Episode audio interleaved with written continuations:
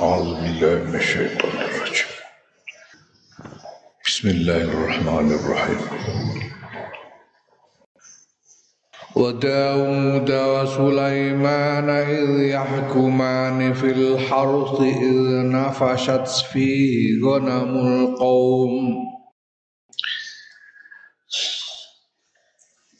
إذ نفشت فيه غنم القوم وكنا لحكمهم شاهدين. ففهمناها سليمان وكلا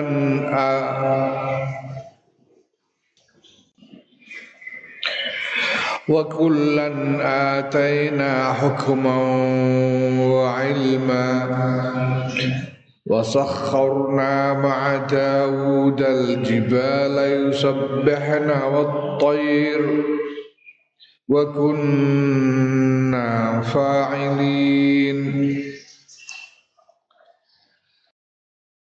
وعلمناه صنعة لبوس لكم لنحصنكم من بأسكم فهل أنتم شاكرون ولسليمان الريح عاصفة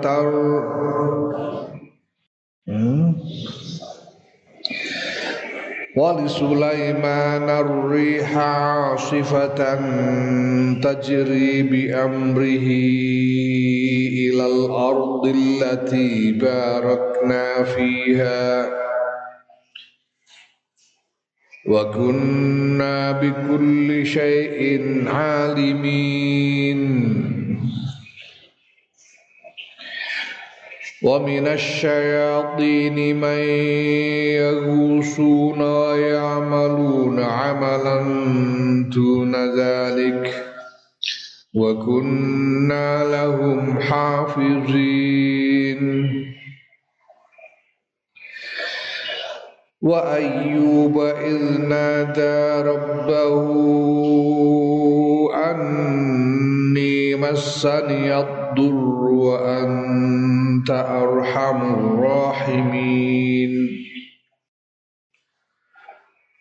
فاستجبنا له فكشفنا ما به من ضر.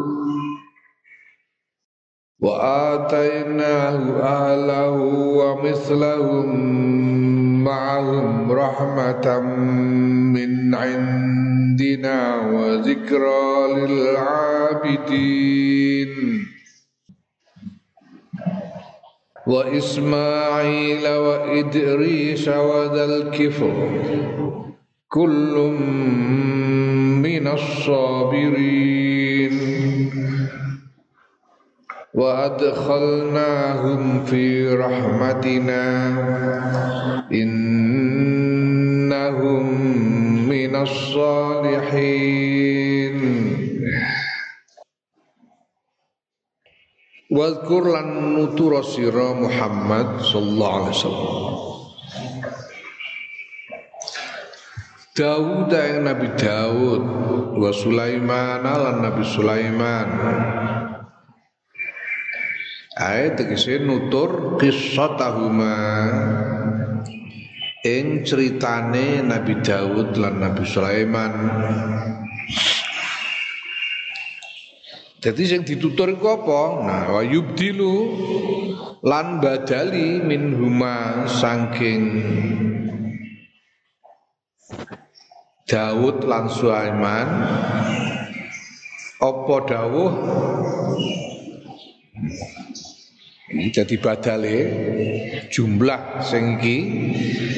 Iki badale iki kok. Badale Daud dan Sulaiman. Yo iku ilyahkumani nalikane ngukumi sapa Nabi Daud lan Nabi Sulaiman fil harsi ing dalem pertanian atau lahan pertanian yang dalam lahan pertanian ini so berupa eh, sawah, tegal, kebun ngono. Jadi al harf kene lahan pertanian sing dimaksud kene iki huwa utai al harf iku zarun eh, ladang gandum ya, au karbon utawa kebun kurma. Yaiku idna fasyad nalikane ucul fi ing dalam harus ing dalam pertanian apa namul qaumi? Weduse kaum Piye maksudnya ucul itu? Ucul ucul yang dalam pertanian mesti piye? Adu tegese uh, Aero adu tegese ngrambah apa wedus hu ing pertanian. Jadi wedus itu ucul berkeliaran di tempat pertanian itu. Merambah tempat pertanian itu. Lailan yang dalam wayah bengi bila roen kelan tanpa penggembala orang sing angon. Bian falatat kelan ento ucul apa wedus Jadi ada sekelompok orang punya ternak kambing yang pada malam hari suatu ketika kambing-kambing ini lepas dan berkeliaran di tempat pertanian dan makan tumbuh-tumbuhan di situ. Bengi-bengi ucul mlebu ning pertanian mangan tandurannya dipangan karo wedhus dirusak karo wedhus. Ya. Nah, wa kunnalan ana sapa ingsun Allah li hukmihim maring hukume kaum iku syahidina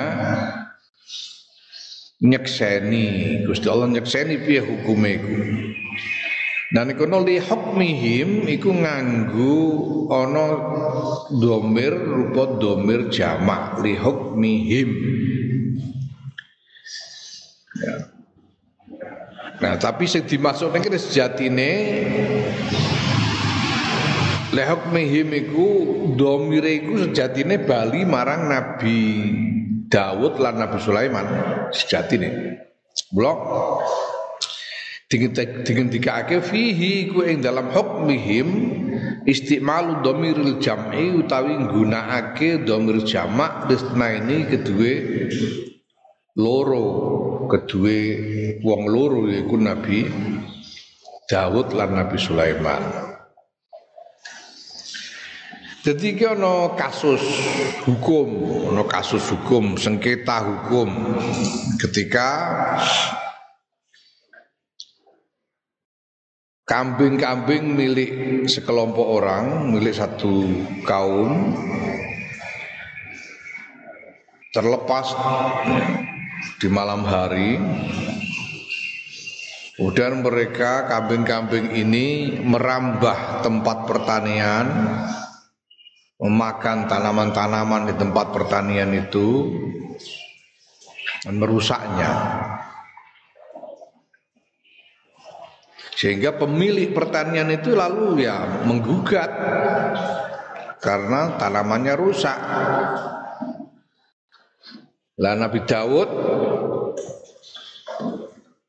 lan Nabi Sulaiman kemudian menetapkan hukum terkait dengan itu, mengadilinya dan menetapkan hukum.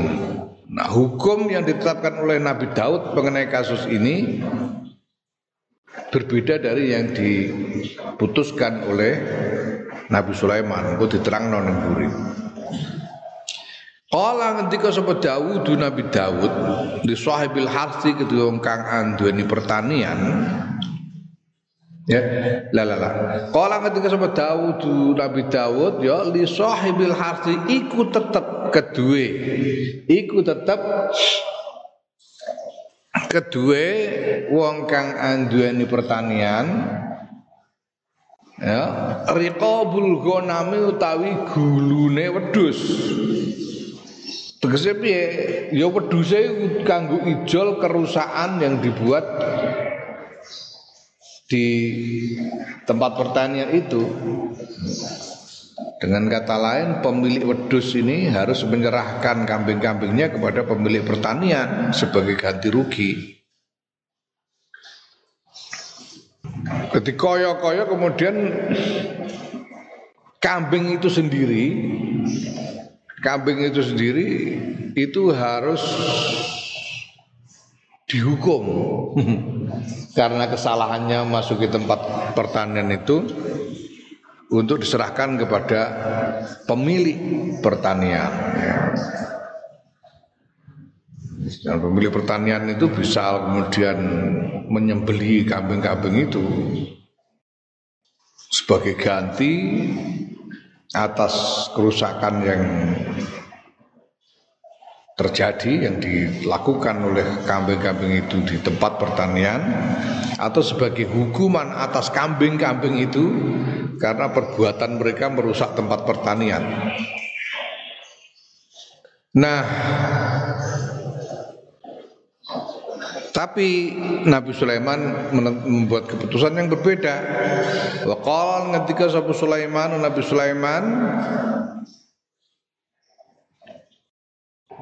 keputusan Nabi Sulaiman yang tafiu ngalap manfaat bidariha kelawan poane kambing poane wedus wa nasliha lan uh, apa? Peranakane wedus tegese nek wedus mana iku anakane iku dinggo. Ya Wong kang anduweni pertanian ngono. Dadi yan tafi'u ngalap manfaat sapa sahibul harthi ngono. Jadi fa'ile iki rujuk marang sahibul harthi, wong kang anduweni pertanian. Yan tafi'u ngalap manfaat sapa sahibul harthi, wong kang anduweni pertanian bidariha kelawan poane susune wedhus. Wa nasliha lan pranakane wedhus. Nek wedhuse mana cempene dipek wong sing duweni pertanian. Wa sufiha lan wulune wedhus, suf iku wol. Ya, dadi wedhus gibas iku nek ning peternakan-peternakan di wilayah-wilayah beriklim sedang. Ya kaya ning gone Yerusalem ini kan iklimnya sedang. Iklimnya sedang. Sebelah lor, engkau ngidul sidik ning Australia, New Zealand ini iklim sedang. Daerah-daerah yang beriklim sedang itu eh, Pedus gibas iku mulune iso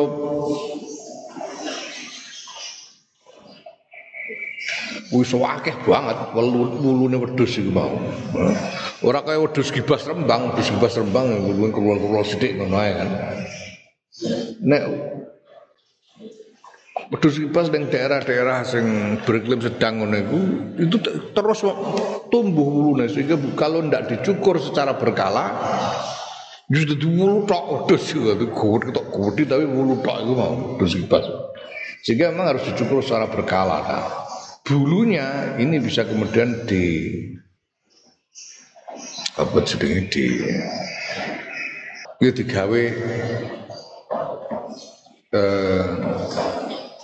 benang-benang untuk ditenun menjadi kain jenis kain wol. Ya, kain yang dari bulu kambing. Yusuf jenis Yusuf. Nah mulane ono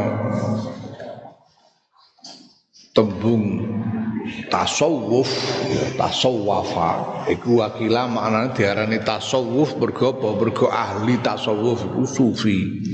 Iku sufi. Iku do ciri khas iku do nganggo kain sangka wulu do nganggo pakaian sangka wulu wedhus saka suf saka wulu wedhus saka wol Gini kok nganggo pakaian saka wulu wedhus mergo iku pakaian sing ora salin-salin lah rapopo. Ngantek pirang-pirang tahun ora salin, ora diubah iku apa-apa. Pakaian saka wulu wedhus iku. Ya engko wong sufi iku saking tajarrut, saking mulai uh, uh, memisahkan diri dari dunia ya mereka hidup dengan apa yang menempel pada badan mereka. Pak duwe pakaian pakaian sisi tok sing bulu kambing atau suf itu ya nah diarani sufi. Ya wong sing nganggo suf Ya, wong sing me, me, melakukan menjalani kehidupan seperti itu ya, disebut mutasawuf ya, kehidupan yang seperti itu disebut tasawuf nah so, jadi keputusan Nabi Sulaiman iku wong sing duweni pertanian mau berhak mendapatkan air susu eh, anak-anak dari kambing itu dan bulu-bulu kambing itu. Ila ayyauda tubuh kemarin yang bali opo al harsu pertanian kama kana kaya oleh ono apa pertanian bi islahi sahibiha kelawan um, dan danine wong kang anduweni wedhus. Sahibiha iki ha iki wedhus ya fayarudduha mongko nuli balekake sapa sahibul hars ha ing wedhus ilahi maling sahibul ghanam ngono ya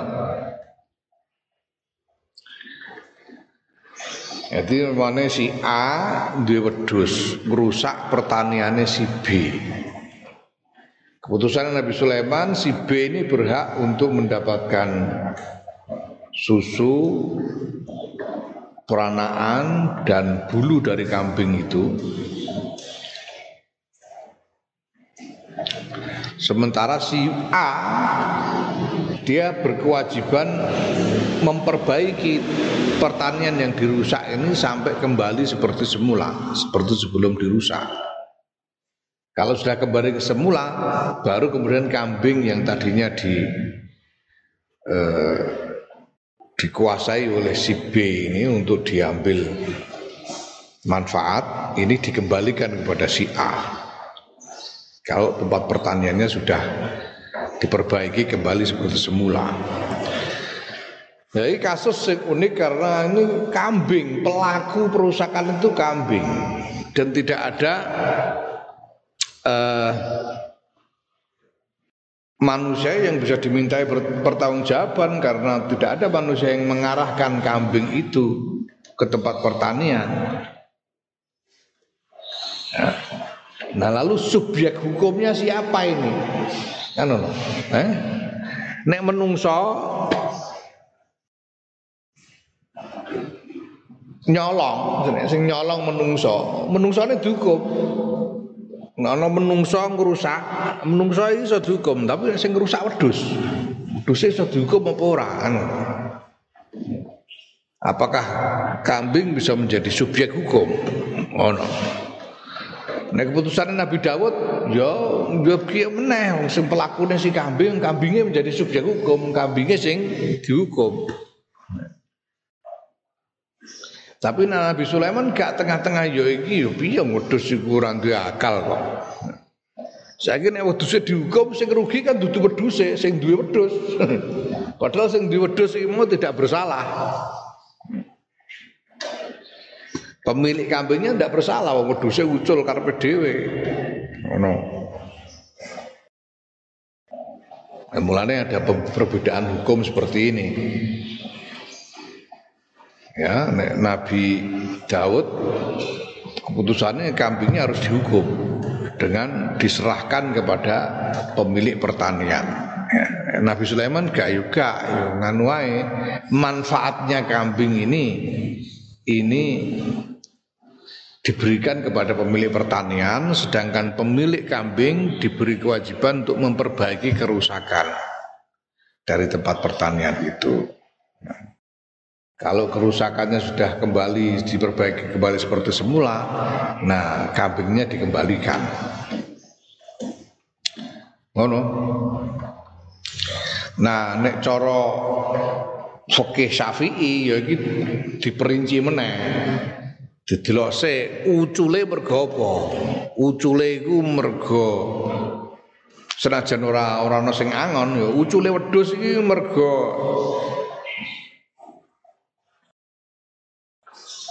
sembrono apa ora? Nek oleh ucule wedhus mergo sembrono. Pamane kandange ora dikeki lawang, pamane kan sembrono. Kandane ora sehingga wedhus gampang ucul. Ya si pemilik kambing harus memberi ganti rugi atas kerusakan itu. Tapi kalau oleh ucul ora mergo sembrono, ora mergo tafrid. Tadi wis dikunci, wis ditutup, kok dilalai tetap muncul. Nah iki ya ora. Ora iso di salahno pemilik kambing ini. Naam fafahamnaha mongko mahamake sapa ingsun Allah ha ing hukum ay al hukumah ing keputusan hukum ya Sulaiman ing Nabi Sulaiman. Eh, Gusti Allah sing paring eh, kefahaman marang Nabi Sulaiman tentang hukum kambing iki mau. Nah ning kono wa hukmuhuma wa hukmuhuma ta hukume Nabi Daud lan Nabi Sulaiman Iku bistihadihi kelawan istihadi Nabi Dawud utawa Nabi Sulaiman. Di hukum yang ditetapkan oleh Nabi Dawud itu ya dengan istihadnya Nabi Dawud sendiri. Hukum yang ditetapkan oleh Nabi Sulaiman berdasarkan istihadnya Nabi Sulaiman sendiri. Berdasarkan istihad itu berarti tidak berdasarkan wahyu. Jadi ini Iki pikirane Nabi Dawud lan Nabi Sulaiman dhewe ora mergo wahyu. Iki salah siding kaul. Ya salah uh, jadi dari peristiwa ini kan kemudian para ulama me, mencoba mencerna tentang apa yang sedang terjadi. Para ulama mencoba mencerna. Kemudian sebagian ulama mengatakan yaitu istiadatnya Nabi Daud dan Nabi Sulaiman itu adalah isti apa hukum yang ditetapkan oleh Nabi Daud dan Nabi Sulaiman masing-masing itu berdasarkan istihad mereka masing-masing bukan berdasarkan wahyu. Maka kemudian warojalan Bali Sopo Dawud Nabi Dawud ila, ila Sulaiman maring Nabi Sulaiman tegese setelah Nabi Sulaiman membuat ke, ke, keputusan yang berbeda ini Nabi Daud kemudian setuju kepada keputusan Nabi Sulaiman. Oh ya ini Sulaiman ini lebih baik. Keputusannya lebih lebih benar daripada keputusannya Nabi Daud. Ya karena ini istihad sehingga kemudian Nabi Daud uh, menerima istihadnya Nabi Sulaiman dan melepaskan pendapatnya sendiri.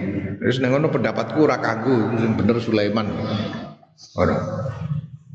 Ini penafsiran dari sebagian ulama yang e, menganggap bahwa hukum yang ditetapkan oleh Nabi Dawud maupun hukum yang ditetapkan oleh Nabi Sulaiman itu kedua-duanya hasil istihad masing-masing. Ya. Tapi ono sebagian ulama berpendapat lain wakilan tiga ake biwahyin kelawan wahyu. Ulama lain menganggap bahwa baik Nabi Daud, Nabi Sulaiman itu baik Nabi Daud maupun Nabi Sulaiman masing-masing menetapkan hukum berdasarkan wahyu. Nabi Daud membuat keputusan itu ya karena wahyu. Nabi Sulaiman membuat keputusan semacam itu juga karena wahyu. Nah karena dua-duanya wahyu maka wasani utawi keputusan kang kedua yaitu keputusan Nabi Sulaiman iku nasihun genteni ya menghapus lan genteni lil awali maring keputusan yang pertama ya keputusan Nabi Daud.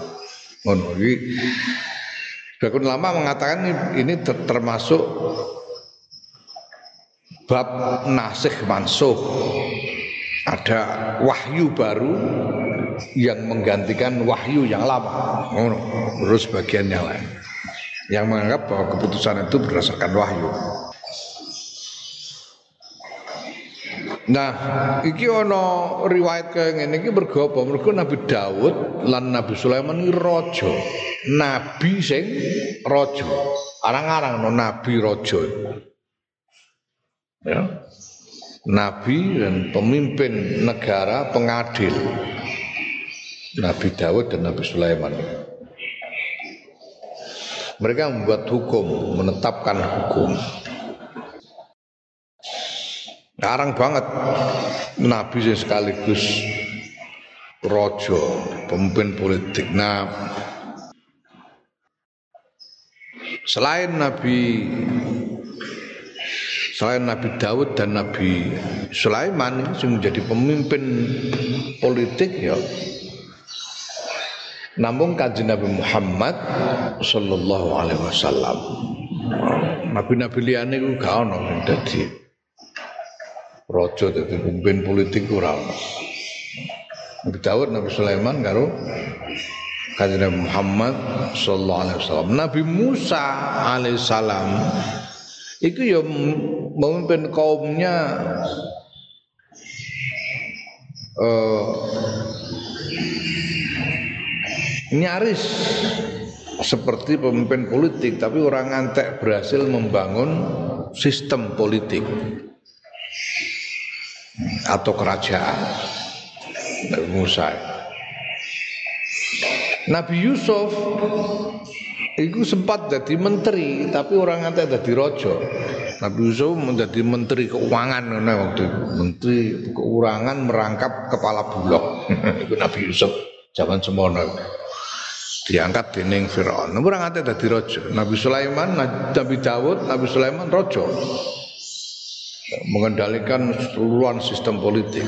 Begitu juga kanjeng Nabi Muhammad sallallahu alaihi wasallam pada akhir kerasulan kanjeng Nabi sudah berhasil membangun sistem politik di dalam batas teritori tertentu yang menyatukan jazirah Arab di bawah kepemimpinan politiknya Kanjeng Nabi Muhammad sallallahu alaihi wasallam. Mulane Kiai Maimun niku kula ngendikano Kanjeng Nabi mbiyen itu ya sumpah pemuda padha wae. Satu nusa, satu bangsa, satu bahasa. Nek Indonesia lah pemudane Indonesia itu satu nusa itu Nusantara sebagai satu kesatuan wilayah, satu bangsa sebagai kesatuan etnik yaitu bangsa Indonesia, satuan kebangsaan itu bangsa Indonesia. Walaupun ya sukunya berbeda-beda itu semuanya dinyatakan sebagai satu bangsa, syab. Satu bahasa bahasa Indonesia. Semuanya menggunakan bahasa Indonesia sebagai bahasa persatuan. Begitu juga kanjeng Nabi Muhammad sallallahu alaihi wasallam. Kanjeng Nabi yang ngono satu nusa, satu nusane kanjeng Nabi kuwi jazirah Arab iku dengan batas di sebelah barat Laut Merah, di sebelah timur Teluk Arab, batas sebelah utara Syam, sebelah selatan Laut Arab. Laut di selatan Yaman itu. Itulah satu nusanya kanjeng Nabi. Dan satu bangsa, eh, satu nusa itu apa? Arab. Itu yang disebut tanah Arab. Tanah Arab itu jazirah Arab itu tanah Arab. Ngalor sithik tanah Syam jenenge. Ngetan sithik tanah Persia. Sakulone Laut Merah wis Afrika, wis dudu tanah Arab. Tanah Arab itu jazirah. Tanah Arab satu nusa satu bangsa walaupun macam-macam kabilah kabilah iki kabilah iku macam-macam tapi satu kebangsaan ya yaitu bangsa Arab. Dengan Quraisy termasuk di dalamnya walaupun Quraisy sebetulnya bukan asli Arab. Quraisy ini WNA keturunan. Quraisy warga negara Arab keturunan. Warga bangsa Arab keturunan. Aslinya orang Arab. Ya. Nah, tapi semuanya dipersatukan sebagai satu bangsa, yaitu bangsa Arab. Dan satu bahasa, bahasa Arab, semuanya itu menggunakan bahasa Arab di Jazirah Arab itu.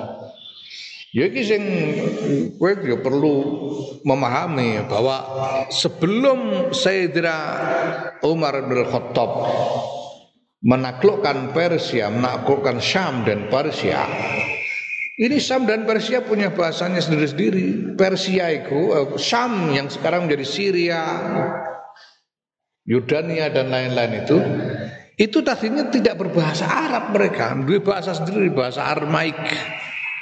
Orang-orang Irak itu dulu punya bahasa mereka sendiri, bahasa Persia. Orang Mesir pada waktu itu juga tidak berbahasa Arab, itu bahasa Kipti sendiri yang sekarang hilang. Biar wono bahasa Kipti, wis hilang karena Mesir diarabkan secara total. Nah, begitu juga bahasa Armaik di Syria hilang. Orang orang Syria ngomong nganggo bahasa Armaik saya karena Syria sudah diarabkan secara total. Begitu juga bangsa-bangsa di sepanjang pantai utara Afrika.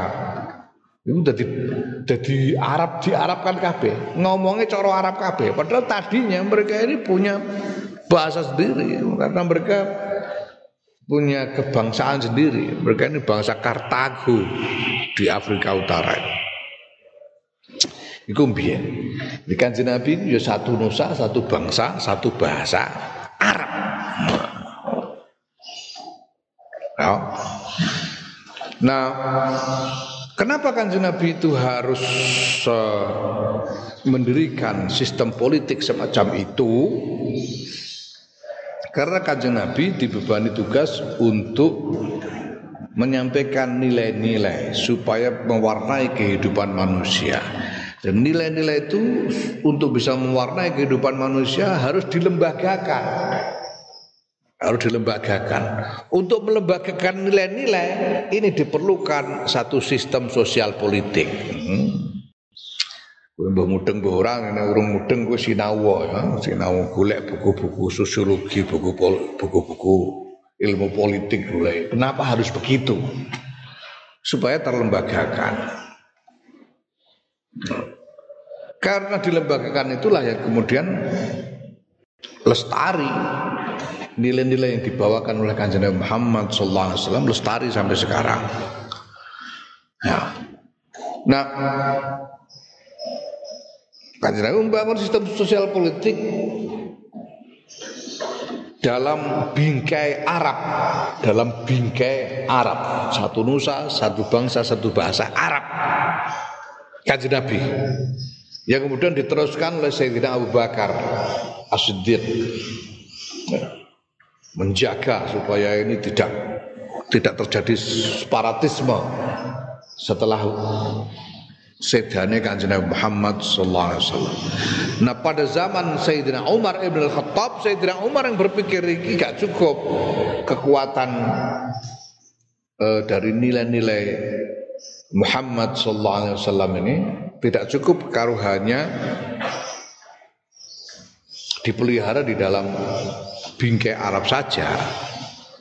Nilai-nilai ini harus diinternasionalisasi harus dijadikan nilai yang universal. Dari Sayyidina Umar yang memiliki visi universalisasi. Universalisasi Islam. Itu sebabnya kemudian Sayyidina Umar melibatkan diri dalam apa namanya kompetisi di antara kerajaan-kerajaan besar di sekitar Arab sampai berhasil menaklukkan Persia, menaklukkan Mesir, terus merambah sampai ke eh, yang dilanjutkan oleh Bani Umayyah merambah sampai ke ujung barat pantai utara Afrika, Maghribi. Ini harus dipahami. Nah, karena itu kita bisa lihat bahwa nilai-nilai yang yang relatif relatif lestari sampai sekarang nilai-nilai yang dibawa oleh para rasul yang relatif lestari sampai sekarang tidak berubah. Relatif tidak berubah.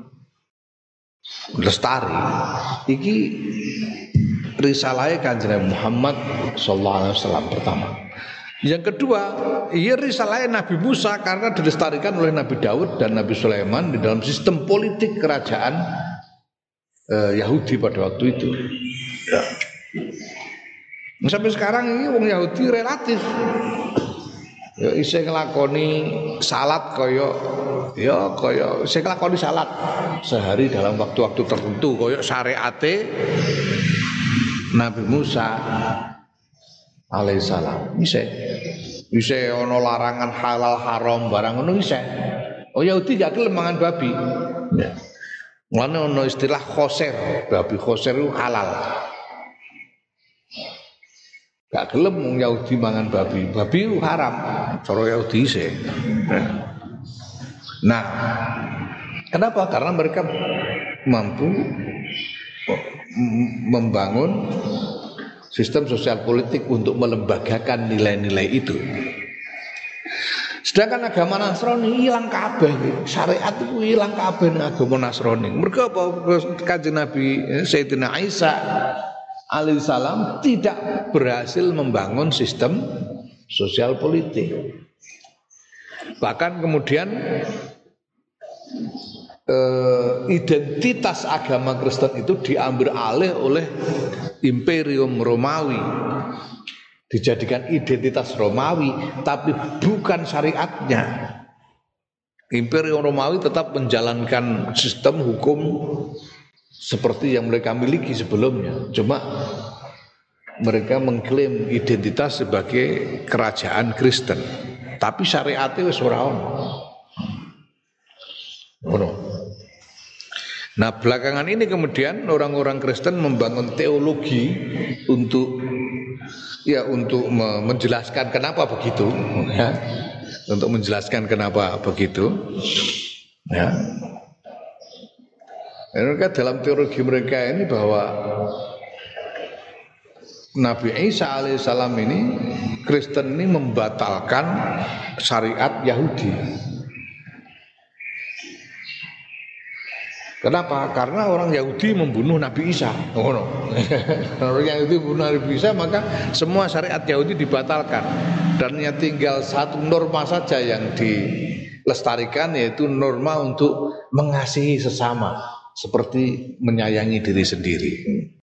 Ya, Wong Inggris yang no love thy neighbors ya. as you love thyself. Cintailah tetangga-tetanggamu sebagaimana engkau mencintai dirimu sendiri. Karena itu tok normane.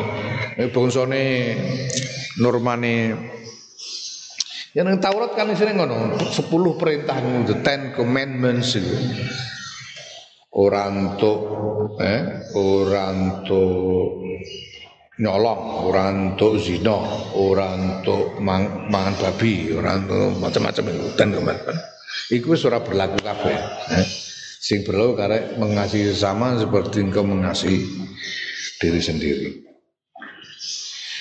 Ya karena apa? Karena tidak ada waktu itu tidak bisa tidak sampai kan? Nabi Isa alaihissalam ini membangun sistem sosial politik untuk melembagakan nilai-nilai yang dibawanya.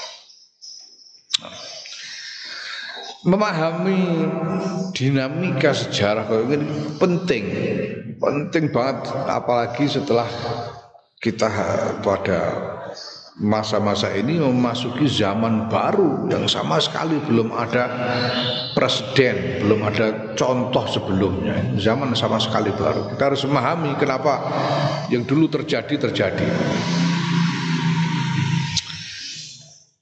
Wa lan ing saben-saben saking Nabi Daud lan Nabi Sulaiman ay minhuma atainahu paring sapa ingsun Allahu ing kullan minhuma hukman ing hukum kebijaksanaan ya, hukum ainubuwatan kenabian. Wa ilman lan ngilmu bi umur dini kelan pira-pira urusan agama wa sakharna lan nundukake sapa ingsun Allah ma'a Daud serta Nabi Daud al jibala ing pira-pira gunung.